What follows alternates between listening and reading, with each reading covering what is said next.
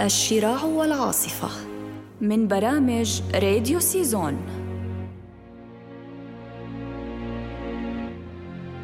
عمال البحر فيكتور هوغو.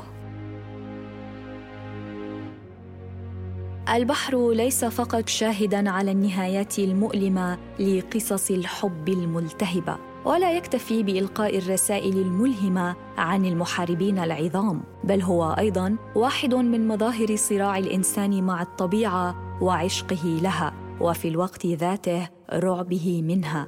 فيضعك الأديب العالمي فيكتور هوغو مباشرة في قلب الأحداث من خلال قصة الشاب الوحيد الذي يقع في غرام فتاة وهي في الوقت ذاته ابنة أخي أشهر بحار في البلدة.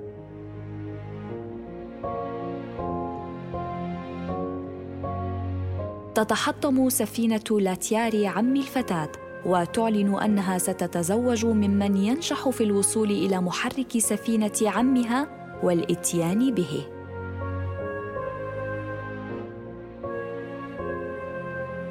يتحمس الشاب للمهمة للفوز بقلب حبيبته ولكن في خلال رحلته تواجهه بالطبع مجموعة من المحن والمخاطر. والمحاطة في الوقت ذاته بالكثير من اللطف الإلهي والعناية الفائقة التي تعبر بوضوح عن حال الإنسان في الحياة نفسها. فإذا كانت الحياة من صنع الله فإن للإنسان حرية الاختيار فيها وهو دائما بين رحمة الله تعالى وغضب.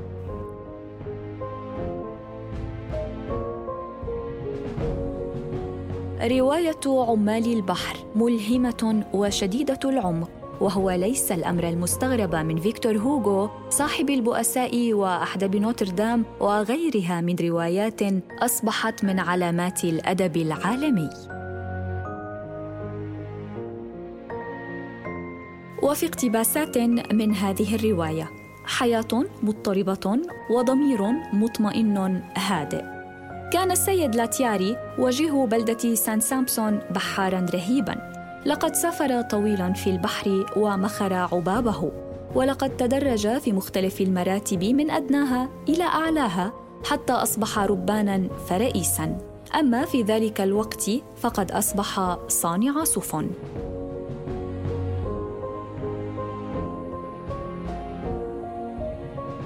لم يكن رجل يماثله ويساويه في معرفة أسرار البحر. لقد كان جريئا في عمليات الإنقاذ وفي الأوقات العاصفة كان يسير عبر الشاطئ الرملي ينظر إلى الأفق باحثا عما يحدث في الأبعاد. فإذا كان هناك من يتعرض لخطر لا يلبث حتى يقفز إلى قارب من القوارب مناديا على اثنين أو ثلاثة من الرجال الشجعان أو مكتفيا بنفسه.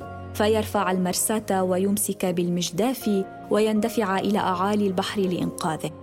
يفعل ذلك مهما يكن الشيء الذي يراه أهو سكون محراث من أوريني أو يخت أحد اللوردات أو رجل إنجليزي أو فرنسي أو فقير أو غني أو الشيطان نفسه لا يفرق بين أحد منهم.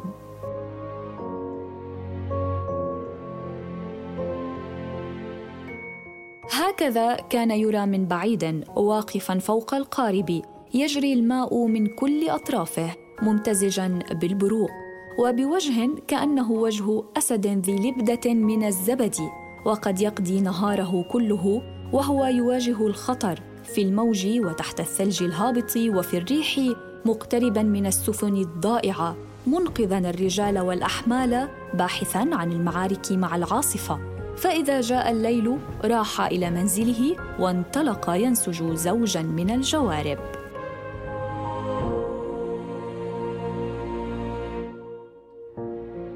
لقد قضى خمسين سنة في هذا النوع من العيش أي بين العاشرة والستين من عمره عهد شبابه. وقد لاحظ يوما وهو في عامه الستين أنه لم يعد قادرا على رفع سندان السيد فاركلان بيد واحدة. وكان السندان يزن 300 رطل فقط ثم أصبح فجأة بعد ذلك سجين داء الروماتيزم وهكذا فرض عليه أن يفارق البحر. والواقع أنه كان قد بلغ الروماتيزم وحصل على الثروة والراحة في الوقت نفسه. إن هاتين الثمرتين اللتين ينتجهما العمل مترافقتان طوعا لا كرها ففي الوقت الذي نصبح فيه أغنياء يصيبنا الشلل ومن هنا يقال لنستمتع الآن بحياتنا.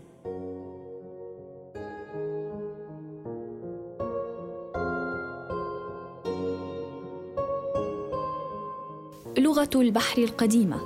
كانت اللهجة البحرية التقليدية في جيرسي وأورينيه منذ أربعين عاماً فقط على أفواه البحارة آنذاك. فيخيل للسامع أنه في وسط بحرية القرن السابع عشر وقد استطاع أحد علماء الآثار أن يأتي إلى هناك ويدرس عامية لغة المناورة البحرية القديمة والمعركة التي كان يشرف عليها جامبار وهو يزأر خلالها في مكبر للصوت يبعث الرهبة في قلوب الأميرال هيد. إن ألفاظ آبائنا البحرية والتي جددت اليوم كلها تقريباً كانت متداولة في جرناسي حتى عام 1820 لكن أية عبارة من العبارات البحرية القديمة لم تعد تستعمل اليوم أبداً لقد أصبحت اليوم لغة ميتة.